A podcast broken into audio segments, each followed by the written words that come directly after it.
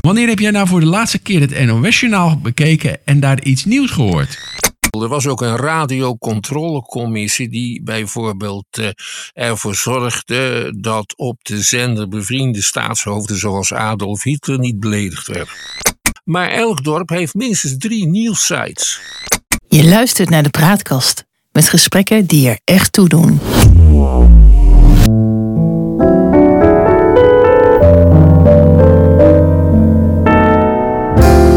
Welkom bij de Praatkast.nl. Dit is een aflevering van het Geheugenpaleis. Mijn naam is John Knierim en samen met Han van der Horst maken we deze podcast. De geschiedenis die haalt zich nooit, maar rijmen doet hij vaak wel. En dat gegeven gebruiken we in het Geheugenpaleis om dieper in te gaan op de actualiteit.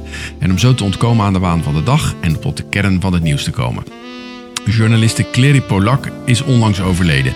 En toen ze in 2014 een belangrijke oeuvreprijs won, toen zei de jury over haar... Ze is altijd alert, goed geïnformeerd, geestig en met een monkelend soort ironie... wars van prietpraat en aangenaam direct als dat nodig was. En jij wil even bij haar dood eh, stilstaan, Han. Uh, waarom? Uh, omdat zij toch de vleesgeworden kwaliteitsjournalistiek op de radio en de televisie was. Het was een uitermate geschikte en getalenteerde interviewer. Ze heeft uh, vrijwel haar hele leven gewerkt uh, voor de VARA en later voor de fusieomroep VARA-BNN, voornamelijk als presentator van radioprogramma's. En ze kon erg goed interviews houden en doorvragen bij die interviews. En, en daar was ze veel beter in dan heel veel andere journalisten? Uh, toch wel. Ze was een bijzonder uh, talent. Ze liet nooit uh, haar eigen opvattingen de leidraad zijn van haar vraagstellingen. Maar ze stelde de geïnterviewde in staat om wat hij naar voren wilde brengen precies te formuleren. En dat is de definitie van een goede interviewer.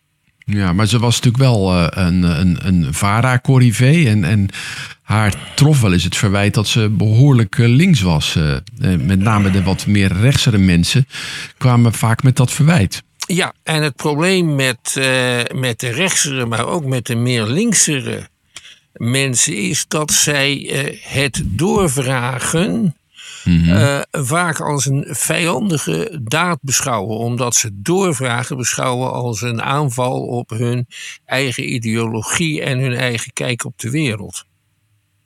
Maar goed, ze was, was van de VARA. Ze is opgegroeid in een heel links nest. Ze was de dochter van uh, Alexander Pola, die we nog wel kennen van Farce Majeur. Een, een soort uh, cabaretesk programma uit de 70 jaren. Zij was toch in alles heel links? Uh, ja, maar dat kwam niet zozeer, niet zo tot nee. uitdrukking in haar uh, journalistieke aanpak. Ze werkte nee. wel voor een links medium, namelijk de VARA. Ja, ja. Er zat een uh, mooi in memoriam in de Telegraaf afgelopen zaterdag, wat ook eigenlijk heel neutraal gesteld was. Ik denk dat de vakbroeders van haar haar toch allemaal wel waardeerden. Zeker. Ja. Uh, maar goed, toch een exponent van de publieke omroep, een, een corrivé. Um, en, en die publieke omroep die krijgt steeds vaker en harder kritiek. Uh, dat is uh, inderdaad het geval. Dat is eigenlijk pas goed begonnen in de dagen van, van Pim Fortuyn. Dat heeft, daarna heeft die kritiek niet afgelaten, maar in feite is die kritiek veel ouder. die Nee, dat Nederlandse omroepstelsel, dat is een doorn in het oog geweest altijd van een gedeelte van de VVD en vooral van het dagblad De Telegraaf. Uh, mm. Want die hadden zelf wel uh, ambities in ieder geval op het gebied van het uitgeven van, uh, van omroepgidsen. En misschien ook wel uh, op het uh, zelf beginnen van een radiozender. Zoals dat in de jaren dertig in Parijs het geval was met de grootste krant van het land, Le Petit Parisien. Die had zijn eigen radiozender. En dat mocht allemaal niet in Nederland. Het beste wat de Telegraaf kon bereiken was de drukorde krijgen voor de radiogids van de ja. AVRO. En later heeft de Telegraaf nog eens een keer zo'n drukorder in, weten uh, in huis te krijgen. Omdat ze zeker. ondersteuning gaf aan de tros. Ja, ja. ja? Maar goed. De, en. WNL, de, die tegenwoordig de ochtend. Die is opgericht, die is opgericht door de Telegraaf. Door ja. Jules Paradijs, de toenmalige Ja. hoofdredacteur, persoonlijk. Dus de Telegraaf zit altijd te Maar- rommelen in het publieke omroepstelsel. Ze publiceren ook altijd series en artikelen over de geldverspilling bij de publieke omroep. Maar dus dat denk jij de, de wat meer rechtsere mensen van eh, dat ze daarom maar de publieke omroep als links eh, verslijten, omdat ze het niet hun zin krijgen. Ja, is dat niet want- een beetje gemakkelijke kritiek aan? Eh, nee hoor, want die, de publieke omroep is al jaren helemaal niet links. Sinds wanneer, wa- wanneer heb jij nou voor het laatst een interview gezien met een vakbondsleider? Terwijl de leider van VNO-NCW en die, die gezellige meneer van het MKB'ers... die lopen allebei de studio's plat. Ja, en volgens mij heeft ook eh, Geert Wilders eh, krijgt altijd ruimschoots aandacht eh, bij het journaal op, Ja. op andere momenten. Die en dat weigert ook, voor altijd te komen. Hè? Ja, nou ja, heel af en toe komt hij dan wel. En, en Thierry Baudet. eh, En volgens mij zit er een soort hypercorrectie eh, bij die publieke omroep. Dat ze maar niet voor links versleten willen worden. En daarom gewoon ook de rechtse stem eh, aan het, eh, aan het woord laten. Zeker. Maar laten we, eens, eh, laten we eens beginnen over die publieke omroep. Hoe, hoe is dat wangedrocht eigenlijk ontstaan? Ehm, nou, al die omroepverenigingen die eh, vieren eh, volgend jaar of in de jaren daarna allemaal hun 100-jarig bestaan. Eh, jongen. Radio-uitzendingen om voor je lol naar te luisteren. Die zijn een Nederlandse uitvinding. De uitvinding is gedaan door een ingenieur die Hanso Itzer daar heette. En die begon in 1919 op zijn radiozender eh, muziekprogramma's te verzorgen met zijn eigen grammofoon. Dat heette voor die tijd was het- muzikaal. En dat was Ja. nog nergens ter wereld vertoond. Was het voor die tijd eigenlijk alleen maar iets wat door het leger gebruikt werd? Ja, en, eh, en door sommige eh, hele grote bedrijven en banken, want die waren erin geïnteresseerd om heel snel beurskoersen te weten. Ja, ja, dat was, dat was een soort eh, tele, moderne telegraaf was Ja. dat dan. eh. ja, en, en de, dus de radio zoals we dat tegenwoordig dan, dan kennen, dat is eigenlijk door meneer Itse daar eh, uitgevonden in Ja. die zin. En een Met- jaar- programma's maken bedoel ik dan en, eigenlijk. en, ja. en een jaar later is er ook iemand in Amerika mee begonnen en die verzorgde een verkiezingsuitzending van de presidentsverkiezingen. En dat is heel snel is dat aangeslagen. Maar wie luisterde daar dan naar die programma's? Want er waren natuurlijk helemaal niet veel radio's in Nederland op dat Eh, Nee, moment. maar er waren wel allemaal liefhebbers. eh, Ja. Die noemden zichzelf luistervinken. Die bouwden vaak hun eigen radio's. En eh, die hadden een grote technische belangstelling. Maar toch eh, wilden ze ook wel eens wat voor hun plezier horen. Dus dat initiatief van ITS, want dat was Ja. zijn, zijn roepnaam, ITS, eh, werd erg gewaardeerd. Ja, maar goed, dat is nog geen publieke omroep. Nee, en ITS is in 1924 failliet gegaan. Aanvankelijk had hij de steun en de medewerking eh, van Philips, maar het was nogal een moeilijke man in de omgang. Dat is een van de redenen waarom Philips eh, over is gestapt naar een bedrijf waar het aandelen in had, de Nederlandse seintoestellenfabriek in Hilversum. Eh, die bouwden radio's voor het publiek en moesten er dus voor zorgen dat er wat op te horen was. Ja. En dus vroegen ze aan ehm, Willem Vocht, dat was een technicus bij het bedrijf, om een zender te bouwen en om daarop radioprogramma's uit te zenden op de manier van ITS. Dat heeft hij gedaan. Dat was een enorm succes opnieuw. En toen zei de directie: we moeten toch zien dat we aan die zender iets kunnen verdienen. Waarop Willem Vocht een vereniging van luistervinken organiseerde. Die had al gauw tienduizenden leden. Die noemde die Avro. Ah, daar komt de AVRO vandaan. Daar komt de AVRO vandaan. En in Nederland was een verzuild land. Dus in katholieke en in protestantse en in socialistische kring kwam men op de gedachte om ook zoiets te beginnen. Die begonnen hun eigen verenigingen, de KRO, de NCRV, de VPRO, de VARA. En dan kon je zendtijd huren op de zender Ja, ja. van de H- van de HDO. Want die omroep heette de Hilversumse draadloze omroep. Maar dat is nog steeds geen publieke om- omroep. Het is Nee. gewoon nog commercieel, nog gewoon... eh, ja, publiek. Nou, Nou, ja, wel publiek, maar in de zin dat de overheid zich er nog niet mee bemoeit. Ja, maar die ging zich er daarna heel sterk mee bemoeien. Ja. En die wilde greep krijgen op die omroep. In, eh, in veel andere landen had je inmiddels al publieke omroepen. Alleen in Frankrijk, dat is iedereen vergeten. En in de Verenigde Staten en in Zuid-Amerika was hij van het begin af aan eh, commercieel. Eh, dat wilde de Nederlandse politiek niet, want de radio was iets dat had te maken met cultuur en met schoonheid en met opvoeding. En je moest er vooral geen revolutionaire mededelingen op doen, of rare muziek draaien, of de danswoede bevorderen. Er is zeker negermuziek gedraaid op de radio. Nogal ja. Ja. Eh, door het orkest van Hans Mossel. ja. Maar ehm, dat leidde ertoe dat er een ordening is gekomen met twee radiozenders. En de zendtijd werd netjes onder de omroepen verdeeld. De Avro en de Telegraaf waren voor een nationale publieke omroep. En die zou dan Avro moeten heten. ja. Dat is niet doorgegaan. En dat systeem van omroepen hebben we eigenlijk nog steeds. Er zijn wel allerlei hervormingen in eh, aangebracht. Maar nog steeds zijn de omroepen van wezenlijke Ja. invloed op de programmering. Maar luister, eh, eh, de vrijheid van meningsuiting eh, staat toe dat we allemaal ons zegje kunnen doen op de manier waarop dat zouden willen doen. Maar waarom gold dat dan niet voor de radio's? Dat zou toch eigenlijk een beperking betekenen van de vrijheid van meningsuiting? Nou, het, het, ze gebruikten daarvoor twee argumenten. Eén argument was het beperkt aantal frequenties die in die tijd beschikbaar waren voor radiozenders. Als er twee zenders op dezelfde frequentie zaten, kreeg je akelig gepiep en zo. Ja. Dus daar moeten afspraken over gemaakt worden. Ja. En verder was men heel erg bang voor het eh, bederven van de volksziel. Er was ook een radiocontrolecommissie die bijvoorbeeld eh, ervoor zorgde dat op de zender bevriende staatshoofden zoals Adolf Hitler niet beledigd werden. Ja.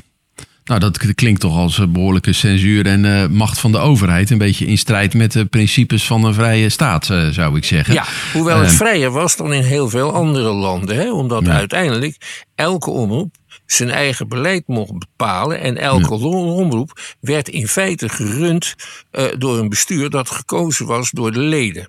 Ja. Behalve Dat- de dat- KRO. Maar dat, dat systeem dat bestaat eigenlijk nog steeds. Maar na die eh, begintijd zijn er toch wel wat aanvallen geweest. Ik herinner bijvoorbeeld nog Radio Veronica, wat van een zeeschip eh, uitzond. Ja, vanaf de jaren 50 zijn er Nederlandse ondernemers, die gesteund door de VVD, die zeggen we moeten naast de publieke omroep een commerciële omroep hebben. In ieder geval op de televisie, net als in Engeland. Nou, Ja. dat feest ging, eh, ging niet door. En, Nou, is slim- toch wel, er zijn toch wel eh, pogingen gedaan om vanaf een, een, een remeiland, een voormalig booreiland, tv-uitzendingen te was, maken. Dat was op zee, waar de, Nederlandse, waar de Nederlandse staat geen macht had. Hè. Dus Veronica zond uit vanaf een, een oud schip wat ergens voor anker lag. Ja. En het remeiland stond op een booreiland. Ja. En dat remeiland is al na een paar maanden door de Nederlandse mariniers geannexeerd en bezet. En dan was het afgelopen met maar lag dat in de, in de territoriale water of daarbuiten? het lag daar buiten, maar je kan het, dan kan je het altijd nog annexeren. Het ding stond met zijn poten in de grond. Hè. Dat is wat anders dan een drijvend schip. En, en, en waarom is dan uiteindelijk Veronica dan, dan ook toch gestopt? Want dat lag dan ook buiten de territoriale Eh, wateren. Veronica is heel lang vrij alleen geweest, maar vanaf 1955, 19, 1965, 1966 begonnen er allemaal van dat soort schepen bij te komen die zich richten op een Engels publiek. Bijvoorbeeld Radio Caroline en Radio London. Die maakten Ja. hele goede, heel eh, vernieuwende programma's met erg veel popmuziek. Ik luisterde altijd naar Radio London, eh, omdat dat de minst beschaafde was. Big L en ik was ook voor de Stones. Ja, oh, ook dat nog.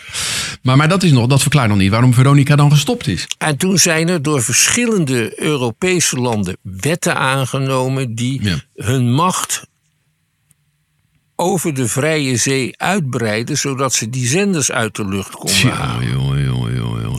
In Nederland ze- heeft dat ertoe geleid dat er een nieuwe popzender bij kwam, Hilversum Hilversum 3, 3, ja. bij de publieke omroep, maar ook dat nieuwe omroepen tot het, tot het bestel, zoals dat heette, toe mochten treden, als ze maar genoeg leden wisten te verzamelen. Ja, zo is Veronica, maar ook de Tros en de EO zijn het bestel Die zijn toen binnengekomen. het bestel ingekomen. Ja, niet in die volgorde, maar Ja. die, die zijn ook eh, deel uit gaan maken. Ja. Nou ja, dat zijn dan een paar kleine aanpassingen. Eh, eh, we hebben toen ook iets gehad als de vorming van de, van de, van de NOS, of de, de, wat tegenwoordig de NPO heet dan, eh, toch? Ja, ehm, want de hele nieuwe regeling was ook een compromis. De VVD en, eh, eh, en een gedeelte van de publieke opinie was voor één omroep zoals de BBC, een nationale omroep, zonder de zogenaamd verouderde omroepverenigingen, of zoals dat in België trouwens geregeld is.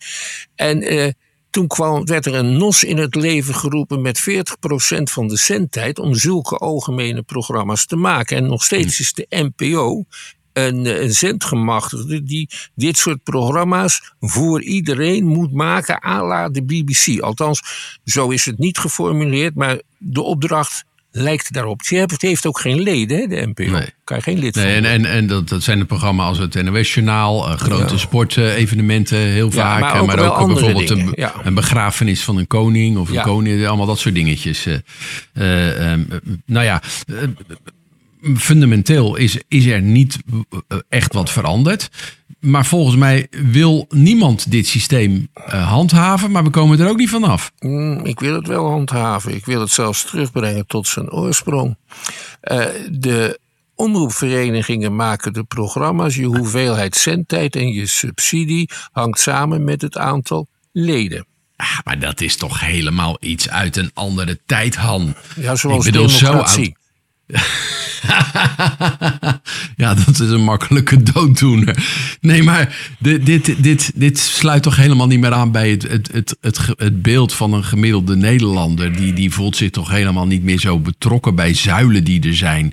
Of, of dat, dat, ik denk dat heel veel mensen niet eens weten door wie programma's gemaakt eh, eh, eh, worden. Dat is toch gewoon een hopeloos verouderd systeem. En nog even los daarvan. Het, het is allemaal heel navelstaarderig geworden. Want er zijn mensen die, die op, op sociale media een veel grotere kijkerschade hebben dan eh, de alle omroepen bij elkaar, bij wijze van spreken. Nou, dat is natuurlijk ook het geval, want jij zei er zijn geen fundamentele veranderingen geweest. Er zijn zeer fundamentele veranderingen geweest. Maar niet binnen het publieke bestel als zodanig. Niet binnen het publieke bestel, maar wel eh, in, bij de elektronische media. Nou, Tegenwoordig natuurlijk. heeft elke gemeente zijn eigen radiozender. Ja, En zijn eigen, vaak zijn eigen televisie. Er zijn regionale Ja. omroepen. En Ja. als ik een radioomroep wil beginnen, kan dat met ingang van vanavond. ja, je kan het gewoon op het internet doen Ja. tegenwoordig.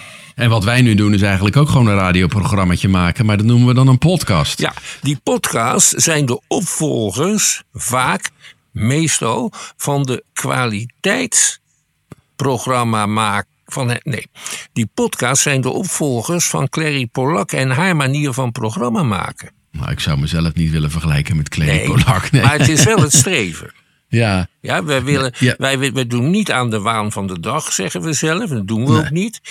En eh, we proberen een beetje dieper op de zaken in te gaan. En dat zie je bij vrijwel alle podcasts. Die zijn gespecialiseerd op een Ja. specifiek onderwerp. ja.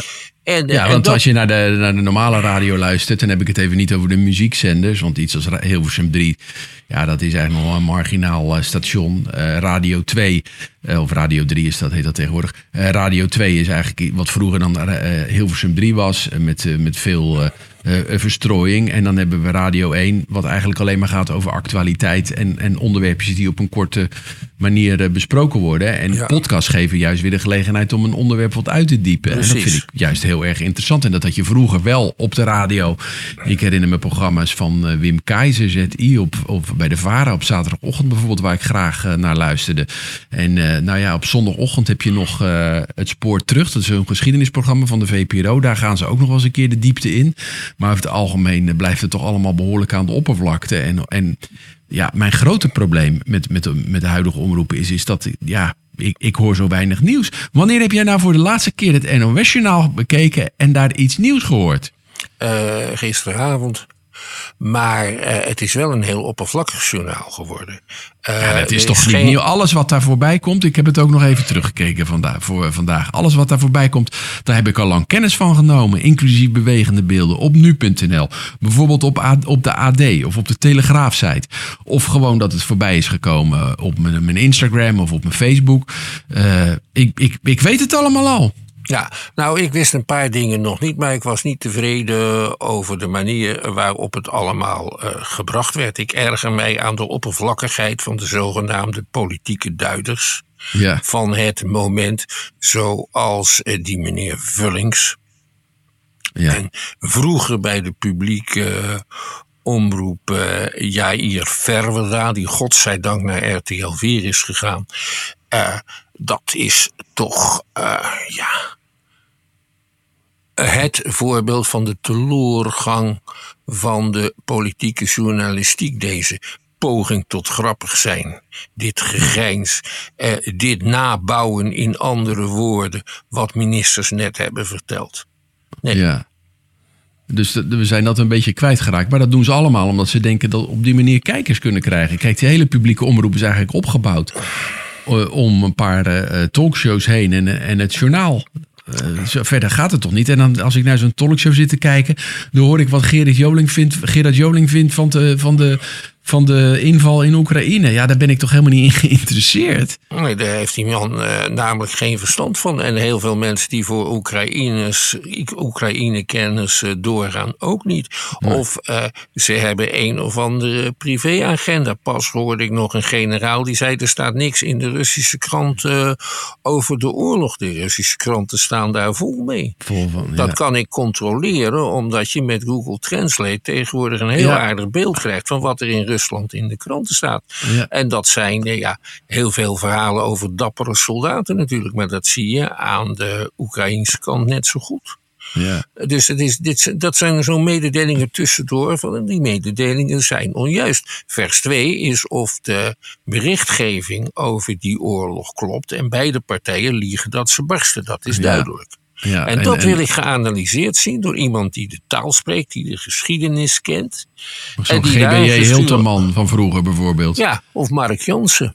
Ja. De auteur van het boek Grensland, een oude professor aan de Universiteit van Amsterdam, die heel mooi ja. en goed kan vertellen. Maar ja, maar dan heb, je ook even, een, dan heb je ook even een paar minuten nodig ja. om iets uit te leggen en de nuance aan te brengen. En daar is dan weer geen tijd voor. Ja, het basisprobleem bij de publieke omroep, althans bij veel omroepen, is denk ik de grote minachting voor de intelligentie van de gewone mensen.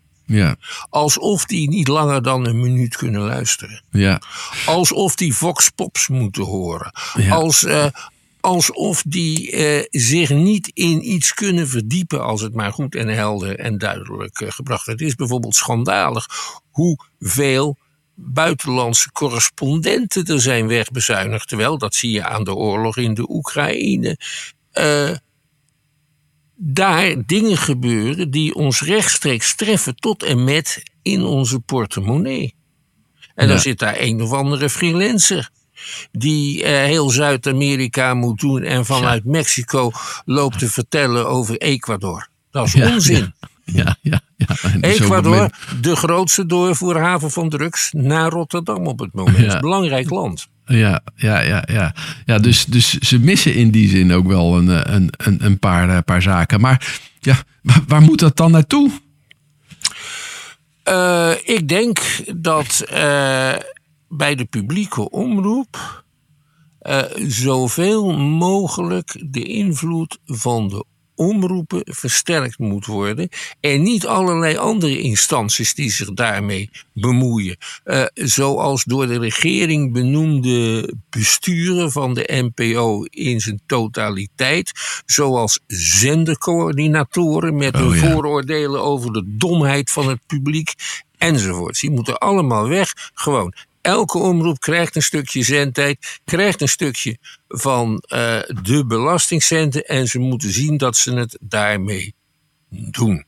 Oh, dat en is dat jouw lijkt, oplossing. En dat lijkt mij en... dat dat de beste, de beste producten oplevert. En daar moet de omroep ook alle kansen krijgen om dat op modernere wijze te doen. Bijvoorbeeld met podcast, door heel sterk in te gaan op uh, de wens van het publiek uh, om later te kijken. Niet op het moment dat iets wordt uitgezonden. Ja. Want we, maar we zetten zelf onze tv-avond in elkaar. Ik vind het merkwaardig dat je je voor NPO start. Daarin kun je gemiste programma's uh, bekijken dat je daar een abonnement op moet nemen. Terwijl ik al ja. belasting betaal voor de NPO. Ja. Kijk, als, als RTL dat doet, dat zijn geldwolven. Oké. Okay. Ja, ik heb de NL Ziet app. Daar betaal ik ook iets van 8 euro per maand voor. En ja. dan kan ik ook alle commerciële omroepen terugkijken. En soms ook vooruitkijken als ik dat zou, zou willen. En daar zit soms wel eens wat interessants bij. Maar ja, goed, een documentaire mag tegenwoordig ook niet langer dan 20 minuten duren.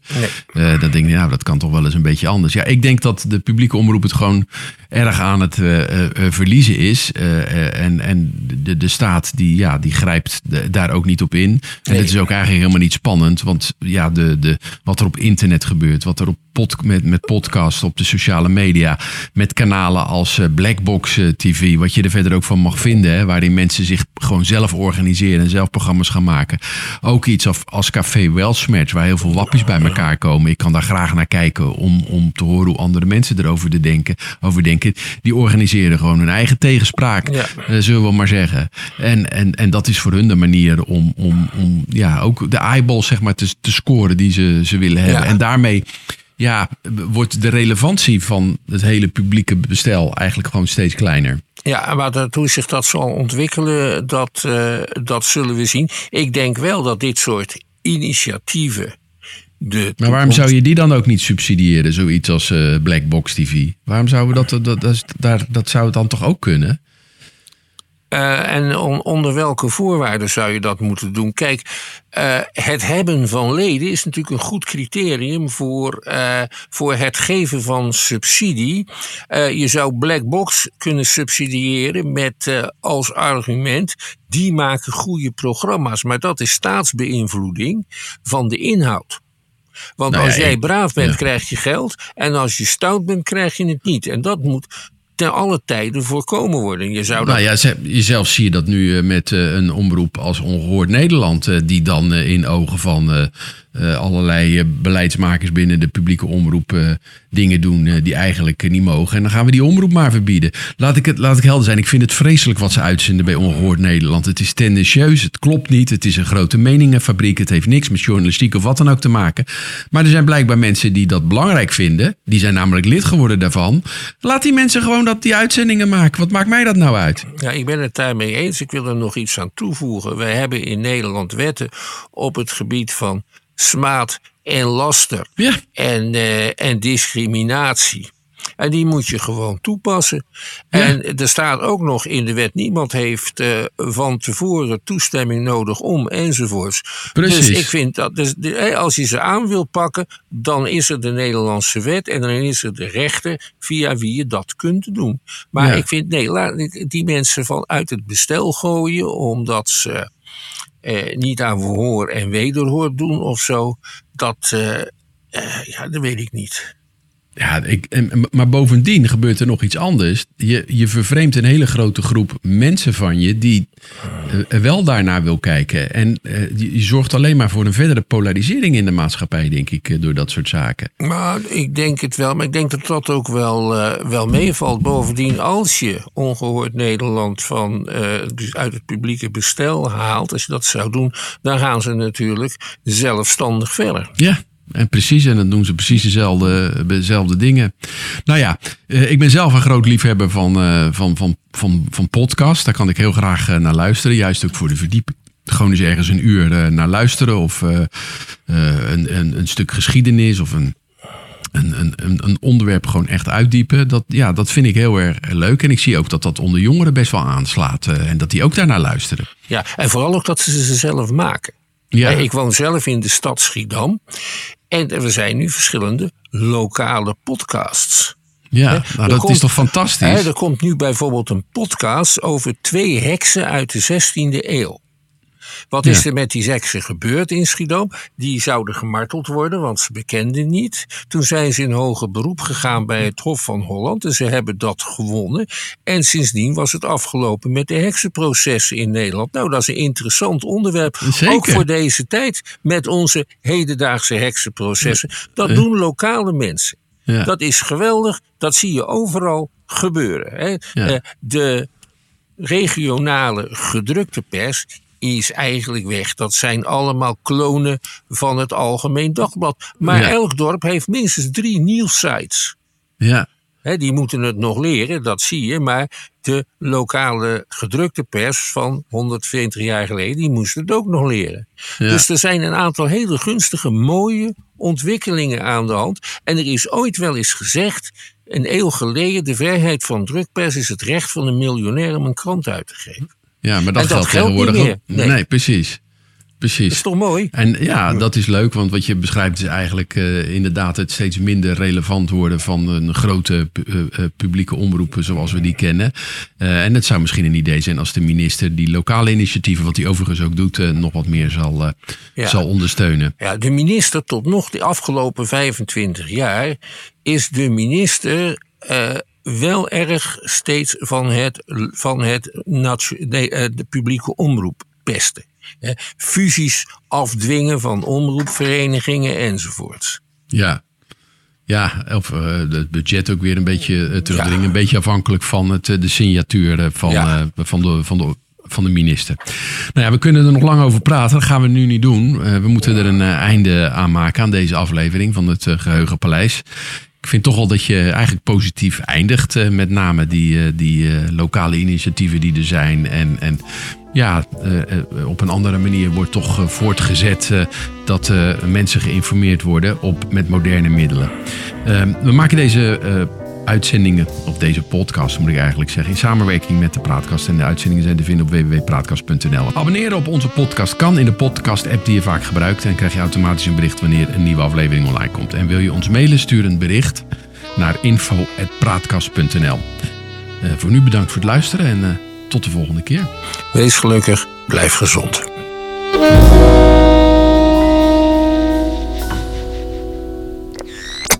De Praatkast.